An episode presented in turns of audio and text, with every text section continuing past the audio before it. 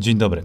Nazywam się Bartosz Gołąbek i zawodowo zajmuję się Rosją oraz jej bliższym i dalszym otoczeniem.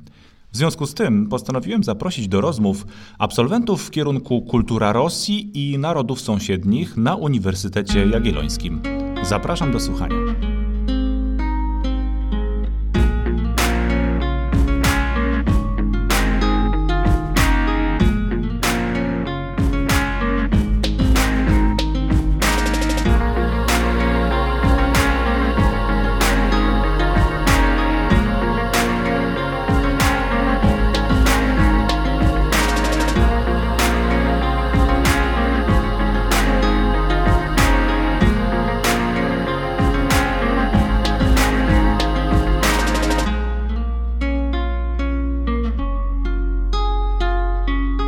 No, dzień dobry Marcinie. Witam Marcina Ziomka, doktora Marcina Ziomka, e, z którym e, rozmawiamy o jego karierze związanej ze studiami na kierunku Kultura Rosji i Narodów Sąsiednich. Cześć Marcin.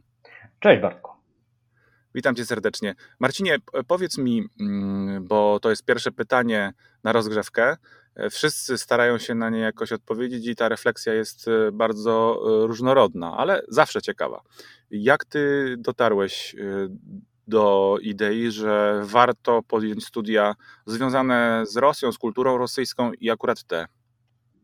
Pierwszy był przede wszystkim język, język rosyjski, którego uczyłem się jeszcze w szkole podstawowej. W szkole średniej już nie miałem takiej, takiej możliwości, ale na studiach polonistycznych wybrałem lektorat języka rosyjskiego.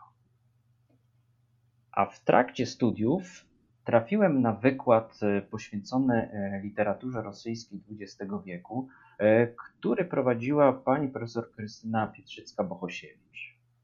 I, to był taki wykład, o którym poloniści w Krakowie no, mówili wszyscy, że jest y, niesamowicie, niesamowicie interesujący i warto, e, warto na niego pójść. Po prostu w ramach e, studiów polonistycznych e, musieliśmy tak brzydko powiem, zaliczyć wykład z literatury, z literatury obcej. Była literatura czeska, literatura hiszpańska, angielska i była też tak literatura literatura rosyjska. I rzeczywiście ten wykład był niesamowicie interesujący od pierwszych zajęć.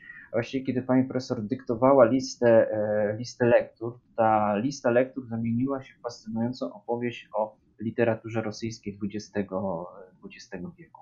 I tak we mnie dojrzewały, e, dojrzewały zainteresowania tematyką, tematyką wschodnią. I okazało się, e, że pojawił się na uniwersytecie nowy kierunek e, kultura Rosji i narodów e, sąsiednich i postanowiłem, postanowiłem się zrekrutować. Taka była moja taka krótka droga do studiów na kulturze Rosji czyli poprzez e, zainteresowanie literaturą rosyjską, które z kolei wznieciła pani profesor e, Krystyna Pietrzycka-Bohosiewicz już na innych studiach na Uniwersytecie Jagiellońskim. Rzeczywiście tak było. My jako filolodzy rosyjscy z kolei mieliśmy wykład e, z literatury polskiej, i ja akurat dostąpiłem zaszczytu, żeby wysłuchać tej literatury polskiej współczesnej, bo tak to było określone u pana profesora Brędzy Stabro i dla mnie też akurat było w pewnym momencie wielkim zaskoczeniem, że mm, właściwie obcuję też z, z, z autorem, e, z literatem i to wcale nie, nie, nie ostatnim, jeśli chodzi o E, o taki potencjał. To są bardzo ciekawe w ogóle takie e, przenikania w Krakowie, prawda? Bo e, był jeszcze przecież czas, ja też go dobrze dosyć pamiętam, że filologia polska bardzo blisko była związana z, z filologiami obcymi, tak się o nich mówi, nowożytnymi teraz. Teraz jesteśmy w innych wydziałach, ale właściwie to był taki jeden wspólny kocioł myślących literaturą, prawda? No w tym czasie, kiedy ja studiowałem, to polonistyka jeszcze była częścią Wydziału, e, wydziału Filologicznego. I wtedy, I wtedy mogłeś rzeczywiście też e, zobaczyć, e, jaka jest ta perspektywa tutaj. No i powiedz, w związku z tym doświadczeniem, czy zderzenie ze studiami, wcale niełatwymi mm, na Krinsie, ono nie odwróciło Twojej perspektywy? To znaczy, nie okazało się, że jednak nie tego oczekiwałeś, bo No jednak wykład z literatury, monograf po prostu z doskonałym wykładowcą, z pasją prowadzącym te spotkania, no może trochę inaczej wyglądać niż takie, wiesz, rycie do głębi języka rosyjskiego na przykład. Yy, nie, studia, studia mnie w żaden sposób yy, nie rozczarowały. Dla mnie też ważne było, yy, że trafiłem do małego instytutu. Studentów na polonistyce było bardzo dużo. No, na pierwszym roku było ponad, ponad 200 osób więc nawet się nie znaliśmy często między, między sobą. Tych grup było kilkanaście. Natomiast w Instytucie Filologii Wschodniosłowiańskiej wszystko było na mniejszą skalę. I też relacje pomiędzy, pomiędzy wykładowcami i studentami były inne. Więc dla mnie to były takie studia bardzo, bardzo kameralne. I to jest też coś, co mi się spodobało w Instytucie Filologii Wschodniosłowiańskiej. Ta kameralność i osobisty kontakt każdego z każdym właściwie. Tak, że wszyscy się, wszyscy się właściwie znają. Powiedz, e, twoje studia mm, przebiegały równolegle. Byłeś polonistą, już praktycznie finalizującym albo zbliżającym się do finału studiów polonistycznych. Jakie są twoje e, zainteresowania polonistyczne? Y, gdzie poczułeś się najlepiej jako literaturoznawca w, na polonistyce? Na polonistyce najlepiej się poczułem na przełomie XIX, XIX i XX, XX wieku. Z tego zakresu też e, pisałem pracę magisterską e, poświęconą e, dramaturgii Stanisława Przybyszewskiego w kontekstach, w kontekstach europejskich. E, I właściwie, jeśli chodzi o takie moje zainteresowania e, literaturoznawczo, e, literaturoznawczo-badawcze, no pozostałem gdzieś na przełomie XIX, XIX i XX, XX wieku z takim wybiegiem, można powiedzieć, do lat, do lat 20., 30. XX stulecia. Studiowałem, też studiowałem, studiowałem równolegle, no ale żeby też ukończyć, ukończyć pracę magisterską, E, na filologii polskiej musiałem wziąć e, urlop dziekański na e, kulturze Rosji, ponieważ i jedne i drugie studia wymagały dużego zaangażowania. Studia na klinicie wymagały dużego zaangażowania też od strony językowej, to jest, jednak język rosyjski był, był podstawą wszystkich, wszystkich przedmiotów można powiedzieć, takim punktem odniesienia. I tak chyba też e, do dziś zostało, co oczywiście jest e, bardzo dobre. To prawda, że, że, że ten język rosyjski tutaj jest fundamentalny. Ale pytanie samo się nasunęło teraz. Wydaje mi się, że każdy, kto nas słucha, mógłby mm, się nad tym zastanowić, bo Twój doktorat y, dotyczy spraw ściśle rosyjskich. Zaraz o nim jeszcze będziemy mogli porozmawiać, ale nie podjąłeś wyzwania, żeby doktoryzować się w obrębie polonistyki. Czy próbowałeś, a jakoś y, nie wyszło? Y, nie próbowałem, nie planowałem. Znaczy przez chwilę może, e, może krótko e, planowałem, ale zdecydowanie bardziej e, pociągały mnie tematy, tematy wschodnie. No ale dlaczego? Właśnie to ciekawostka. E, jak to wyszło? Czy to chodziło o rzeczywiście inspirację, która została rozgrzana na Queens, na studiach, e, czy e, już te wykłady jeszcze od pani profesor Pietrzyckiej-Bohosiewicz zasiały to ziarno? Jeśli, jeśli śledzę, czy jeśli mam mówić o swoich, o swoich zainteresowaniach naukowych, to to jest też taka historia, historia osób, z którymi się zetknąłem to już jest wspomniana pani profesor e, Bohosiewicz, to jest też oczywiście e, mój, e, mój promotor i pracy magisterskiej i, i doktoratu, pan profesor, profesor Jerzy, Jerzy Kapuścik. Jego zajęcia, które prowadził z, z kultury rosyjskiej XIX i początków XX wieku, to też jest profesor Przebinda z wykładem poświęconym historii myśli rosyjskiej, na który, na który uczęszczałem z dużym, z dużym zainteresowaniem. I to też jest jakiś sposób jego, jego wpływ. Jego zainteres... Te jego wykłady rozbudziły moje zainteresowanie myślą rosyjską o której wcześniej y, niewiele wiedziałem. Ile coś wiedziałem na temat literatury rosyjskiej, y, to na temat y, myśli nie wiedziałem nic, a wydaje się, że jest to taki bardzo ciekawy obszar badawczy. Poznawanie tej myśli pomogło mi też rozumieć Rosję. Mm, ciekawe, że mm, tam ta historia nasza, twoja osobista, to jest historia spotkań. To jest prawda. Tak to się rzeczywiście układa w życiu. E, myślę, że wszyscy tego mm, doświadczamy. Mm, ale przecież y, no, są też zakręty, zawirowania jakieś y, w trakcie. Można się zniechęcać y, lub przez kogoś, rzeczywiście, lub przez materię. Sami jesteśmy gdzieś, zatrzymujemy się a ty tutaj mm, no, wszedłeś na, na, na, na to stanowisko, że rosyjska myśl to jest ciekawa rzecz i wydaje mi się, powiedz czy tak jest, że twoje polonistyczne zaplecze, mm, którego nabrałeś podczas pięcioletnich studiów, prawda, magisterskich na polonistyce, że ono, ono wsparło, ono wsparło te, te, te rozważania o, o wschodzie. Mm, oczywiście. E, tutaj y, polonistyka mi bardzo dała dużość od strony takiej y, teoretyczno-warsztatowej.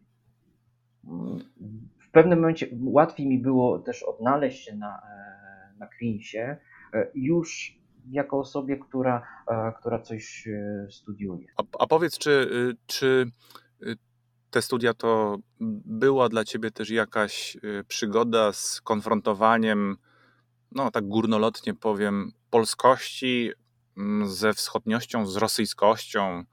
Y, czy mm, wtedy jeszcze nie widziałeś tego w tej perspektywie, a może później takie e, przemyślenia cię natchnęły? Nie w trakcie studiów nie zastanawiałem się e, nad tym. Raczej e, interesowałem się tym, czym jest rosyjskość.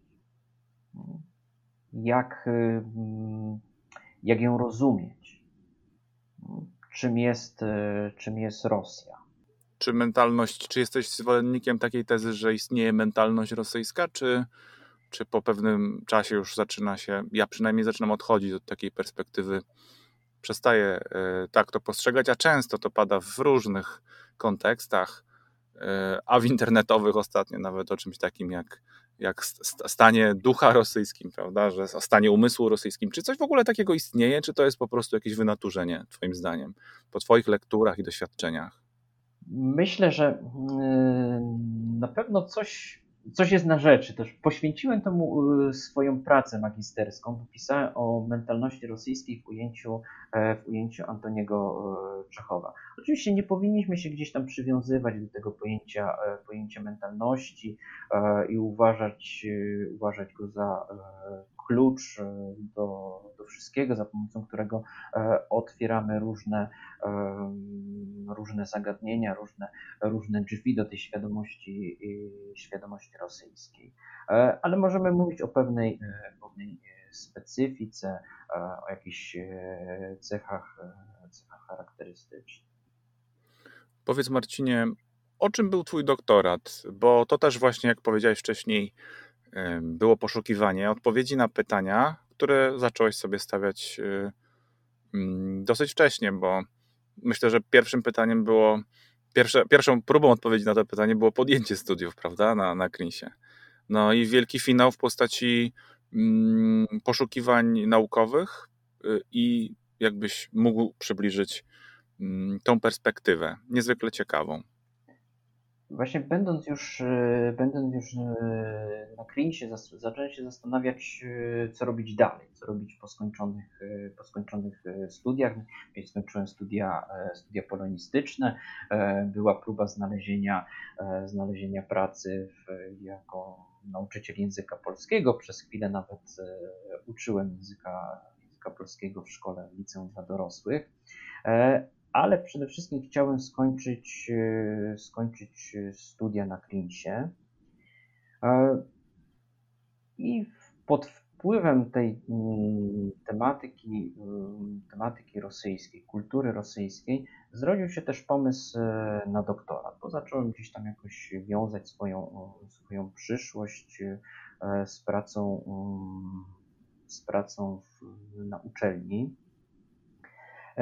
I właściwie będąc jeszcze, e, będąc jeszcze studentem Krinsu, ale już absolwentem filologii, filologii polskiej, złożyłem dokumenty na studia doktoranckie na Wydziale Filologicznym. Z takim pomysłem na pracę poświęconą, będącą właściwie trochę na, na styku myśli rosyjskiej i literaturoznawstwa bo pracę poświęciłem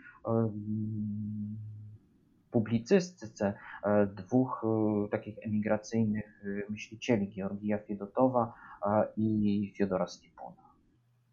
Pełny temat mojego, mojej pracy doktorskiej brzmi w poszukiwaniu kulturowej tożsamości, emigracyjna publicystyka Georgija Fiedotowa i Fiodora Stipuna.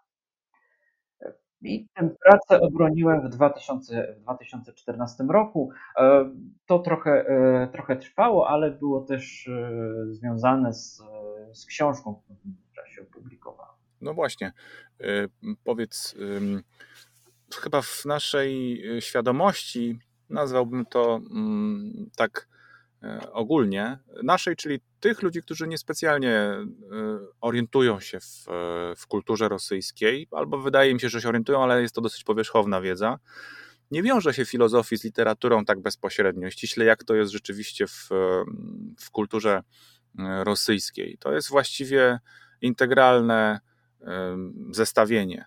Literatura i myśl, myśl i literatura. Mm, czy w związku z tym to, co odkryłeś dla siebie w tej tożsamości, e, w poszukiwaniu odpowiedzi o tożsamość, prawda, co za, za, zakorzenione jest w, w tytule Twojej pracy, czy to ustawiło trochę inaczej e, Twoje osobiste myślenie o wschodzie? O wschodzie, który przecież, myślę, że bezspornie możemy to przecież e, potwierdzić, no niejednokrotnie dla z kolei polskiej tożsamości generował no, wiele problemów, wiele kłopotów i zagrożenie, mówiąc wprost. Jak to jest z Twoim odkryciem? Bo każdy rozdział, każda pewnie linijka napisana i przeczytana, ona trochę nas też y, wzmacnia i uświadamia. Dla mnie najważniejsze było um, tak, żeby nie patrzeć, nie patrzeć stereotypowo, wyzwalać się z tych y, stereotypów e, i szukać, y, szukać odpowiedzi dlaczego, dlaczego, Rosja taka, dlaczego Rosja taka jest. Dlaczego, gdzie się kryją e, korzenie, e, korzenie myślenia. I im dłużej zastanawiam się, czy im dłużej badam, e, badam kulturę, kulturę rosyjską, to wydaje mi się, że wiele, wiele rzeczy tkwi w XIX wieku. Że jeśli chcemy. Co masz na myśli? Jeśli chcemy rozumieć, jeśli chcemy e, rozumieć Rosję, e, to musimy e, dobrze przemyśleć, przeczytać wiek XIX. Chociażby spór słowianofilów z okcydentalistami. Pytania, Masz na myśli literaturę, proces literacki, tak? Chodzi o proces literacki. Proces literacki, myśl filozoficzną. Pytania, które wtedy zaczęto stawiać. Jakie pytania uważasz za kluczowe dla tego okresu? Pytania, e, pytania o tożsamość, pytania o relacje do, do Europy, e, o relacje e, do Zachodu. Pytania o to, którą drogą Rosja, Rosja ma kroczyć. No i czy, czy jest częścią własną... Zachodu, czy też jest sama sobie? Mhm, czy, jest częścią, czy jest częścią Europy? Jak my rozumiemy, jak my rozumiemy Europę? Marcin, no to właśnie jest to pytanie, które Tobie teraz chciałbym postawić. Jak Ty uważasz? Czy mm, Rosja jest częścią Zachodu, czy nie? I jeśli tak, to w jakim sensie? Ja bym powiedział, że Rosja jest częścią Europy. Zachód jest pojęciem, e, dla mnie jest pojęciem, e, pojęciem węższym. Mhm. Ale to jest, to jest temat na bardzo długą, e, bardzo długą rozmowę, bo mm, trzeba sobie no, odpowiedzieć też na no, wartości europejskie, o to, czym, pewne wpływy, e, odziedziczenie, odziedziczenie tradycji. Ale dziś wiemy, e, dziś wiemy, że nie wszystko, nie wszystko, jest, e, nie wszystko jest proste, nie wszystko jest też zero-jedynkowe. I uchwytne. Mhm. Powiedziałeś, że praca nad Twoim doktoratem opóźniła się nieco, czy też nie była tak, może powiedzmy, dynamiczna, jak być może chciałeś, chciałeś to lub założyłeś, bo pracowałeś nad książką. Czy możesz coś więcej powiedzieć o tym epizodzie? Tak. To jest związane z, po części z moją pracą w, w Akademii Techniczno-Humanistycznej w Bielsku, w Bielsku Białej, z którą jestem związany od 2008 roku.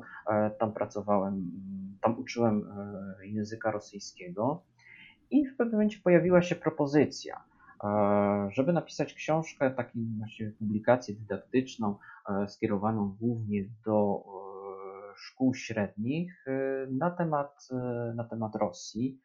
I podjąłem się tego, oczywiście to, to jest, byłem współautorem tej książki zatytułowanej Lubice y, w Rosji, zakochać się w Rosji. Współautorem jest mój kolega, który był jednocześnie, no, był kiedyś moim, moim studentem, Andrzej Telepnew, Rosjanin. I wspólnie napisaliśmy właśnie taką książkę poświęconą, poświęconą historii, kulturze, życiu codziennemu, literaturze, literaturze rosyjskiej, połączonej z ciekawostkami, z, z ćwiczeniami gramatycznymi, bo taka też, takie też było założenie tej publikacji, która wpisywała się też w pewną, w pewną serię takich podręczników pomocy do nauki języków obcych. I ta rzecz ukazała się w 2011 roku. To był z jednej strony był wyraz takiej mojej fascynacji kulturą rosyjską. Cały czas podkreślam kulturą, kulturą rosyjską. To hasło kultura też mnie przyciągnęło na studia na Queen's. Jak się pracuje nad taką książką? Geografia, kultura, historia. Każdy z nas, każdy z nas miał do opracowania kilka, kilka rozdziałów i do napisania w ramach, w ramach tych rozdziałów takich krótkich, krótkich tekstów. No zaczyna się od tego, no, od pewnej selekcji. Trzeba się zastanowić, kto, co jest, jakie zjawiska są, jakie zjawiska są ważne. Później gdzieś trzeba poszukać, poszukać materiałów, no i oczywiście ująć to w takim przystępnym, przystępnym języku, żeby trafił gdzieś na poziom średnio, średnio zaawansowany. Trzeba się zastanowić nad tym, jakie ćwiczenia, ćwiczenia dopasować. Więc ta pomagała mi z jednej strony znajomość kultury rosyjskiej wyniesiona, wyniesiona z Queensu, a z drugiej strony praktyka dydaktyczna.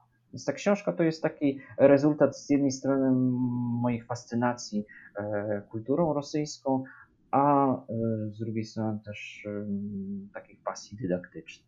Czy podczas pracy nad tą książką odkryłeś coś nowego? No to niby nie, do, nie doktorat, nie praca naukowa, ale jednak, jak powiedziałeś, no, selekcja to jest właściwie już praca analityczna, niemalże naukowa. Czy, to, czy jakieś zaskoczenia tutaj mm, wyszły, wynikły podczas e, opracowywania tego, tego podręcznika, bo chyba tak można o nim mówić. Tak, można, e, można o tej książce, e, o książce tak, tak mówić. Nie taki podręcznik tam stricte z, z dialogami, ale raczej służący tutaj też do poszerzania, poszerzania wiedzy. Dla mnie to było przede wszystkim poszerzanie wiedzy tego, co już, e, tego, co już wiem, gdzieś, e, gdzieś utrwalanie, e, czasami dowiadywanie się jakichś nowych, nowych szczegółów. Jednym słowem, realioznawstwo, które można też wkomponować w taki proces dydaktyczny, co chyba jest wciąż bardzo ważne. Wydaje mi się, że mimo różnych starań i tendencji w tym kierunku, to wciąż jednak chyba za mało w tej dydaktyce języka rosyjskiego jest y, tego realioznawstwa, a może nie za mało, ale za mało jest może eksponowany y, ten wątek. Jak on jest bardzo ważny, prawda? Na przykład właśnie później w relacjach y, tych, którzy się uczyli tego języka mm, z osobami ze wschodu, z żywym, z żywą wartością, prawda, którą jest człowiek po drugiej stronie i jego zaplecze kulturowe.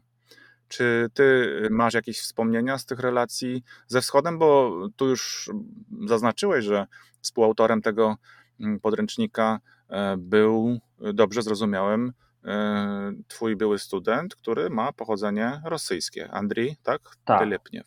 Mhm, tak. E, znaczy, ja kiedy uczyłem, uczyłem rosyjskiego, to zawsze starałem się, mm, starałem się gdzieś te elementy realioznawstwa przemycić. To znaczy, wydaje mi się, że nie da się, jeśli nie da się nauczyć języka e, bez znajomości kultury. Czyli mm, przy nauce języka potrzebna jest, potrzebna jest znajomość kultury, potrzebna jest e, znajomość, znajomość realizmu. Teraz jest tak właściwie, że nie możemy przecież abstrahować od tego, że nawet jeśli ktoś dzisiaj się w Polsce uczy języka hiszpańskiego, no to mimo, że mamy dostęp do sieci, do internetu, to też być może mm, zbyt y, silnie niewspierany jest, y, niewspierana jest ta nauka no, obecnością języka wokół, prawda? Można tak powiedzieć też i o języku rosyjskim, chociaż jest internet, no to u nas, czy w radiostacjach, czy w telewizji, no jakoś y, dużo tego wątku rosyjskiego, oprócz no, najczęściej Władimira Putina i ciężkiej polityki, no, nie, nie zobaczymy. Mm, więc pewnie to jest wartość taka sama w sobie, jakaś strategia podejścia do, do tego tematu, bo oczywiście na studiach wyższych to realiznawstwo jest, nauka języka jest przesiąknięta realiznawstwem. No ale jak dzisiaj na przykład, Twoim zdaniem, 10-12-latków uczyć języka rosyjskiego, nie mają żadnych najczęściej już um, takich um, uprzedzeń, w zasadzie niczego nie wiedzą o Rosji. Jak, jakie ty byś tutaj ewentualnie wskazał drogi do, do, do wsparcia. No, na przykład, tak sobie myślę o swoim dwunastoletnim synu teraz, jak go zainteresować Rosją? Wiesz co, to zadałeś mi teraz bardzo, bardzo, trudne, e, bardzo trudne pytanie, e, ponieważ rzeczywiście Rosja jest e, no, nieobecna. Znaczy, obecna jest w tym wymiarze, w tym wymiarze politycznym, a za mało jest tego wymiaru wymiaru kulturowego. No mm, powołałeś się, mm, powołałeś się na, e, przywołałeś też język hiszpański. E, tak sobie też myślę o studentach, e, o studentach, których uczyłem. W pewnym momencie w Bielsku okazało się, że tych studentów zainteresowanych językiem rosyjskim już właściwie nie ma. Uważam, że jest to też część takiej strategii politycznej a z kolei przybywało zainteresowanych, e, zainteresowanych językiem hiszpańskim. No, bo pewnie młodzi ludzie sobie myślą no do Hiszpanii, e, Hiszpania, południe Europy, e, pojadę tam. Natomiast niekoniecznie ludzie chcą jeździć, niekoniecznie ludzie chcą jeździć do Rosji. Czy ta sytuacja polityczna powoduje, że Rosja trochę jawi się jako taki kraj, kraj niegościnny a jest, jest pewnie zupełnie, zupełnie inaczej. Więc trochę językiem rosyjskim interesują się w tej chwili pasjonaci. Że ktoś trafi na jakieś, na jakieś informacje, coś go, coś go zainteresuje i mm, na przykład chce się, chce się uczyć, uczyć rosyjskiego. Ale warto, mm, znaczy tutaj mm, ważnym elementem jest, żebyśmy w Polsce sobie uświadomili, że e, należy znać e, język swojego sąsiada, e, należy znać też alfabet, którym posługują się nasi wschodni sąsiedzi. Żeby to tak jak czasami studenci mówili, że to są takie chińskie znaczki. Nie, to nie są chińskie znaczki. To są litery, które, które, które moim zdaniem trzeba znać. Czy Twoje doświadczenie ze studiów i ta praktyka, której nabywałeś, one jakoś przełożyły się też na relacje właśnie z, z Rosjanami czy z Ukraińcami? Czy masz takie w swojej biografii wspomnienia, o których warto byłoby powiedzieć i zwrócić uwagę na coś konkretnego. Już zacząłeś troszeczkę jakby to, ten, ten wątek poruszać, bo mówisz o gościnności, czyli Rosja jawi się jako kraj niegościnny, właściwie rzeczywiście z punktu widzenia takiego formalnego. Trudno się tam dostać, wiza e, daleko, każdemu się kojarzy z chłodem jakiegoś rodzaju. No rzeczywiście, nie, nie, nic nie, nie sprzyja tutaj, żeby próbować tego typu wycieczki, a jednak jak się już e, kogoś tam zna, albo nawet jak się nie zna, a trafi tam, to sytuacja jest odmienna. Czy twoje doświadczenia są podobne? Jak, jak to, wiesz, jak nie, to nie mam takich, wiesz co, nie mam takich yy, wiesz, relacji. Jedynie no, dlatego też, niezbyt często, niezbyt często wyjeżdżałem. E, raczej znam te, tych, tych Rosjan, Ukraińców, z którymi zetknąłem się w swojej pracy zawodowej. No, właśnie, uczyłeś ich polskiego, prawda? Yy, wiesz, to nie tyle uczyłem polskiego, co na przykład współpracowałem z nimi. Aha, aha. bo oni też no, uczyli innych, innych przedmiotów. No i co o nich można powiedzieć w takim razie?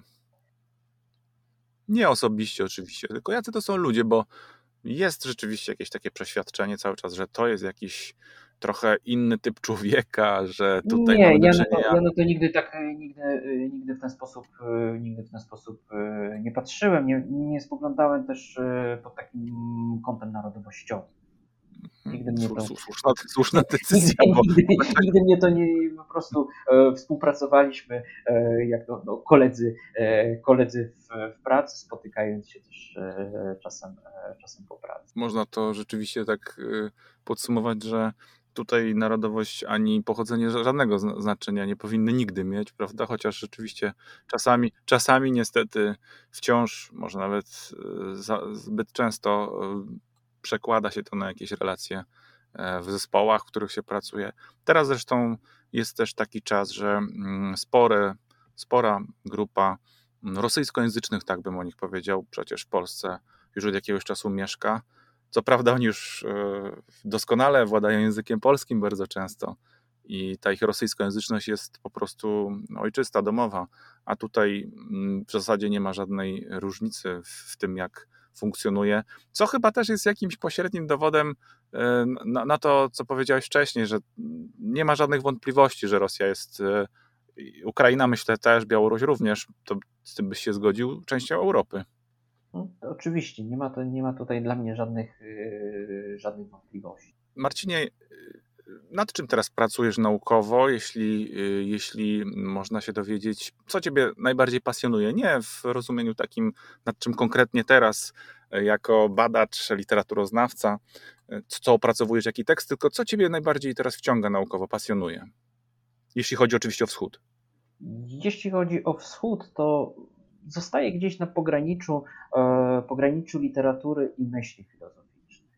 E, I taką postacią, która, e, która mnie zainteresowała, e, jest właśnie Fiodor Stiep. To jest, czy, czy teksty, które, które pisze, są poświęcone właśnie temu, mm, temu człowiekowi, emigrantowi z pochodzenia, miał pochodzenie, pochodzenie niemieckie, doskonale władał, władał językiem, językiem niemieckim. Mówi się o nim, że trochę jest takim mostem pomiędzy kulturą, kulturą niemiecką i kulturą rosyjską. Jednocześnie jako emigrant był głęboko za, tak zainteresowany, zainteresowany Rosją, odrodzeniem, przyszłym odrodzeniem, przyszłym odrodzeniem Rosji. Już po, po tym, jak bolszewicy zostaną odsunięci od e, władzy. No niestety nie doczekał oczywiście tego. Czy ta postać jest dobrze znana w Rosji, Twoim zdaniem? E, jak to e, jest? Bo no, wiesz, jak sam doskonale się orientujesz, że pracując nad emigrant, emigracją rosyjską, że czasami te postaci mm, nie są zbyt dobrze znane w Rosji z oczywistych względów. Oni po prostu nie mogli często tam publikować. Później nie wpuszczano ich publikacji do Rosji sowieckiej, do Związku Radzieckiego no, w latach 90. O, oczywiście, że jest jakiś renesans, odczytuje się wiele tych rzeczy i one jako nowe wpływają tam na rynek i trochę też nowe inspiracje generują. E, a Sciepun, e, czy już został przeczytany przez Rosję, Twoim zdaniem? Trudno mi powiedzieć, czy przez jakąś taką zbiorową, e, zbiorową świadomość, ale widzę ogromne zainteresowanie, zainteresowanie naukowe Stiepuna że co roku powstają, powstają nowe publikacje e, poświęcone jego, jego spuściźnie intelektualnej. Tutaj taką, taką postacią, dzięki, dzięki której e, ten e, dorobek jest, jest obecny, jest Władimir Kantor. Jeden też z takich bardzo ciekawych, ciekawych rosyjskich filozofów, myślicieli, pisarzy to dzięki jego krytyków literackich, dzięki jego staraniom, dzięki, dzięki jego no tutaj takiej też e, zaangażowaniu, te pisma e, Stipuna zostały w Rosji opublikowane, została opublikowana korespondencja e, Stipuna, ukazują się kolejne, kolejne monografie poświęcone Stiepunowi. Marcinie, jesteś badaczem literatury, ale też wykładowcą akademickim o podwójnym doświadczeniu. Perspektywa dydaktyki języka obcego, rosyjskiego. Wykładasz też w Instytucie Filologii Wschodniosłowiańskiej Uniwersytetu Jagiellońskiego. Jak y, oceniasz y, te grupy, które mm, z pasją bardzo często przychodzą y, uczyć się o Rosji i rosyjskiego? Jak oceniasz nie grupy same z siebie, ale jak oceniasz ich przyszłość? To znaczy, na co ci nasi współcześni podopieczni pierwszego, drugiego roku, także kultury Rosji i narodów sąsiednich, powinni zwrócić uwagę, żeby no gdzieś nie zejść z takiego szlaku empatycznej, dobrej analizy, życzliwej analizy wobec tego, co się na wschodzie dzieje. Oczywiście z pełną dozą e, krytycyzmu także wobec e, rzeczy złych i tragicznych. Na co zwracasz uwagę swoim studentom w badaniu Rosji? Na to, żeby rozumieć, rozumieć i szukać, szukać źródeł różnych postaw, nie oceniać. Naszym zadaniem jest ciągła, ciągła ocena, ale próba, próba zrozumienia. Tutaj bliskie mi są na przykład założenia filozofii, filozofii dialogu, no, jedną z centralnych kategorii jest kategoria inności, inny. No, jeśli myślimy, że ktoś jest, ktoś jest inny, to, to nie myślimy tutaj w kategoriach, w kategoriach oceny, no, ale szukamy, szukamy zrozumienia. Nawet jeśli, e, jeśli nasz, które jakieś zachowania budzą, budzą nas sprzeciw. Sprzeciw oczywiście trzeba e, wyrażać, chociażby wtedy, kiedy e, ktoś zachowuje się, nie, nie wiem, przestrzega standardów, standardów demokratycznych, standardów, standardów etycznych. Tak, wtedy trzeba, trzeba protestować. Ale moim zdaniem należy unikać zbyt pochopnych, zbyt, zbyt łatwych, A jeśli chodzi o praktyczną naukę języka rosyjskiego, żeby się nie zniechęcić, co bardzo często jest w naszym, myślę, mm, zawodzie i w naszej branży, że osoby, które no, podchodzą do języka rosyjskiego mm, zbyt łatwo, zbyt lekko, jako języka jednak podobnego, prawda, bo słowiańskiego, no w pewnym momencie zderzają się z e, trudnościami, których albo nie chcą, albo nie mogą pokonać. I nie mam wcale na myśli nawet nauczenia się tych znaczków, o których wcześniej mówiliśmy, prawda, bo, bo to jest dosyć banalna e, chyba i techniczna sprawa. Co, co, jak zachęcać młodzież, młodych ludzi dzisiaj E, i naszych przyszłych współpracowników także, prawda?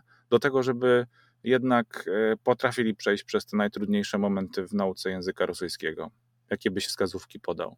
Przede wszystkim, mm, przede wszystkim interesować się tym, e, interesować się tym językiem.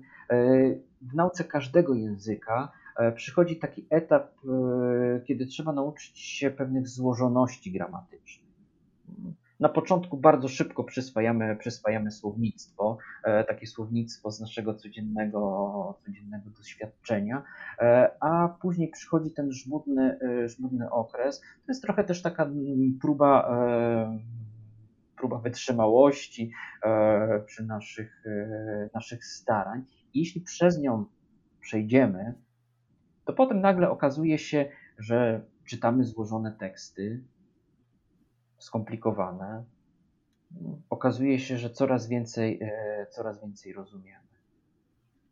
Jest potrzebny ten, ten, taki moment wchodzenia pod górę e, po to, by e, znaleźć się gdzieś na jakiejś, tak powiem, na polanie pełnej, pełnej pięknych, pięknych widoków. I tak z językiem, z językiem też jest, z każdym językiem, nie tylko z językiem rosyjskim. Jeśli by chodziło też o tę perspektywę wschodnią, to najpewniej, tak sobie myślę, na pewno mm, pomogłyby mm, w, takich, w takim motywowaniu się do uczenia się szybszego też y, no, jak najbardziej pozytywne relacje z, z, z naszymi partnerami, sąsiadami ze wschodu, czy to e, z Rosjanami właśnie, z Białorusinami, z Ukraińcami. A jak ty oceniasz to już tak na zakończenie rozmowy, e, no przyszłość tych relacji, biorąc pod uwagę też Twoją wiedzę o przeszłości E, I o tym, że ona, e, że, to, że to sąsiedztwo jest właściwie stałe i nie da się go w żaden sposób ominąć, prawda? Bo są dwie perspektywy, taka właśnie twarda, no cóż, zawsze będziemy sąsiadami, a druga mówi, o świetnie, będziemy zawsze sąsiadami. Jak ty widzisz przyszłość tych relacji? Nie chcę wchodzić tutaj na takie zawiłe sprawy, sprawy polityczne E, ale moim zdaniem zawsze taką dobrą perspektywą i to też pokazuje, e, pokazuje historię, jest perspektywa kultury. Że jeśli spotykamy się na gruncie, e, na gruncie kultury szeroko pojętej, to wtedy nam jest, nam jest łatwiej. Łatwiej ze sobą, łatwiej ze sobą rozmawiać. A jeszcze wracając, wracając do, języka, do języka rosyjskiego, to chcę powiedzieć, że no, no nigdy nie wiadomo, kiedy ten język nam się, nam się przyda. E, mi ten język się przydał na południu Europy, kiedy przez jakiś czas e, mieszkałem w Portugalii e, i tam spotkałem ludzi, którzy, którzy uczyli języka rosyjskiego i tam właśnie rosyjski był dla mnie taką płaszczyzną porozumienia z tymi, z tymi osobami. Wśród nich była między innymi hinduska z Kalkuty, która studiowała w Moskwie E, a później przyniosła się e, do Lizbony e, i tam uczy języka, tam uczy języka rosyjskiego. Więc jest takich, język rosyjski jest tutaj takim no, też środkiem do komunikacji, do zawierania, zawierania też przyjaźni międzynarodowych.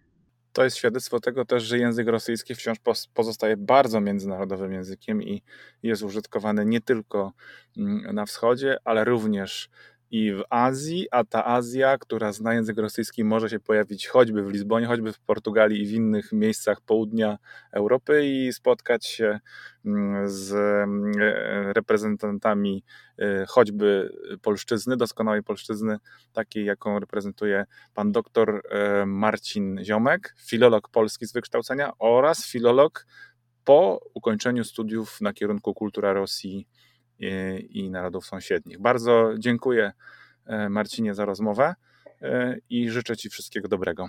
Do zobaczenia. Dziękuję bardzo. E, do zobaczenia.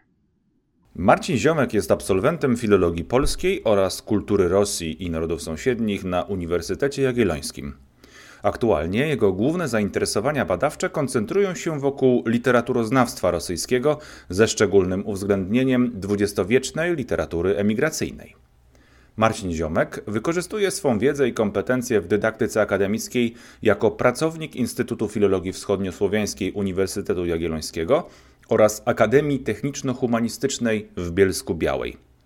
W 2011 roku nakładem wydawnictwa PWN opublikował we współautorstwie podręcznik Zakochać się w Rosji, w Lubica w Rosiju, który obok kwestii językowych przedstawia zagadnienia związane z kulturą, geografią, historią Rosji oraz życiem codziennym jej mieszkańców.